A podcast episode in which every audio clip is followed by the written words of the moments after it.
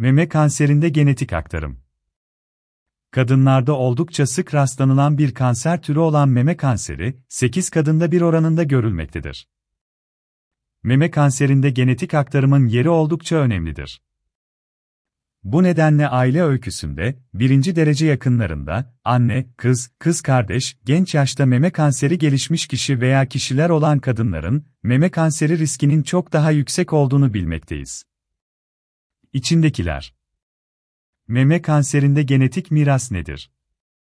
Test kimlere yapılır? Genetik testin avantajları Meme kanserinde genetik miras nedir? Meme kanserlerinin yaklaşık %10-15 kadarı kalıtsal meme kanseri dediğimiz genetik geçişli meme kanseridir.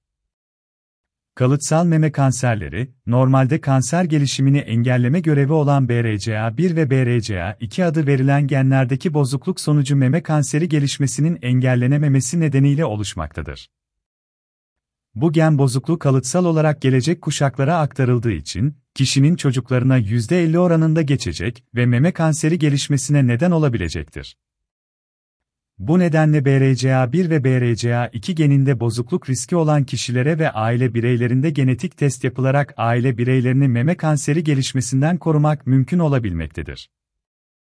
Eğer aile bireyleri içinde genç yaşta 45 yaş altı meme kanseri gelişmişse, iki taraflı meme kanseri gelişmişse, aynı ailede veya kişide hem meme hem de yumurtalık kanseri varsa, erkek meme kanseri varsa, bu kişiler için BRCA1 ve BRCA2 genetik testlerinin yapılması gerekir.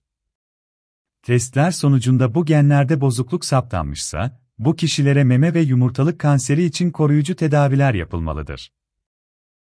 Bu tedavi koruyucu ilaç veya koruyucu ameliyat şeklinde olabilir.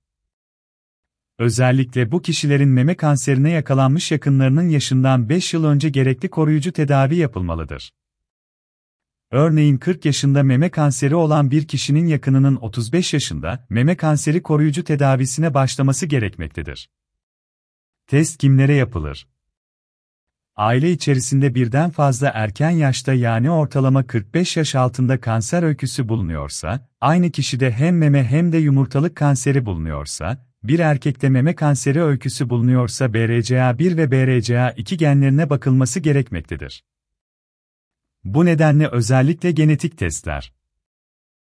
Birinci derece yakınlara, kız çocuk, kız kardeş ve anne, her iki meme kanser vakası bulunuyor ise ve bunlardan herhangi birisine 50 yaş öncesinde meme kanseri tanısı konulmuş ise, birinci ya da ikinci derece akrabalarda, teyze, hala, büyükanne, 3 ya da daha fazlasında, meme kanseri tanısının konulduğu yaştan bağımsız bir şekilde, meme kanseri bulunuyorsa, aile fertleri içerisinde meme kanseri ve yumurtalık kanseri olan birinci ve ikinci dereceden akraba bulunuyorsa, birinci dereceden yakın olan akrabanın her iki memesinde birden kanser bulunuyorsa, aile fertleri içerisinde herhangi bir erkekte meme kanseri varsa, 45 yaş öncesinde meme kanseri vakası bulunuyorsa, Üçlü negatif meme kanseri olan 60 yaş altı kadınlarda meme kanserinde genetik aktarımın yeri oldukça önemlidir.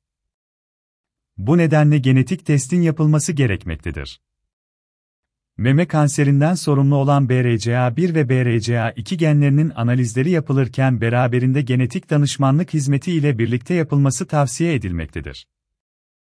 Bu gen testlerinin her bir meme kanseri tanısı almış kadında yapılmasına gerek olmadığını belirtmek gerekir. Genetik testin avantajları O araştırmalar sonucunda da aile içerisinde yatkınlığı bulunan kişiler ortaya çıkmaktadır. Bununla birlikte takipler ve tedaviler genetik test sonuçlarına bağlı bir şekilde düzenlenmektedir. Böylece gereksiz ve fazla tedavilerinde önüne geçilmiş olmaktadır.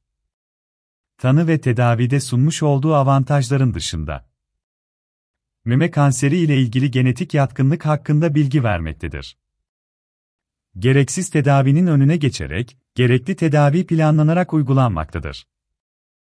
Bu takiplerde yalnızca mamografi değil tomosentez ve MR gibi ileri tetkiklerde kullanılmaktadır. Yapılan tetkikler sonucunda tüm aile fertlerine erken tanı konulmuş olmaktadır. aile bireyleri içerisinde genetik yatkınlığı bulunan kişiler ortaya çıkmaktadır.